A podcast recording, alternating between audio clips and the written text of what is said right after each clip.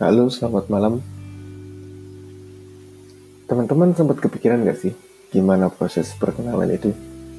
Gimana proses kita kenal satu sama lain? Gimana proses kita kenal sama si A, kenal sama si B, tiba-tiba bisa main sama si A, tiba-tiba bisa main sama si B. Karena kita nggak nyadar gak sih, tiba-tiba tahu-tahu kita main bareng aja. Padahal kita nggak tahu kapan sih proses kita kenalan itu ada nggak sih proses kayak uh, lalu namaku ini namaku A namaku B? Uh, menurutku itu udah mulai terjadi ketika kita mulai beranjak dewasa sih.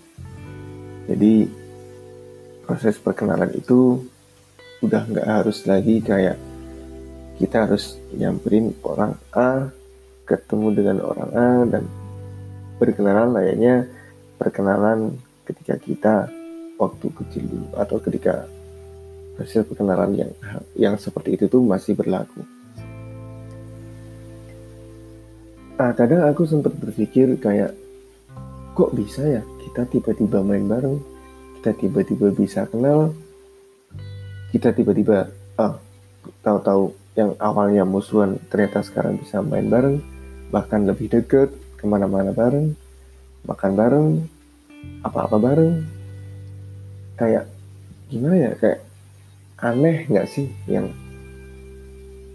kita tahu proses perkenalan itu nggak tahu kapannya datang gitu.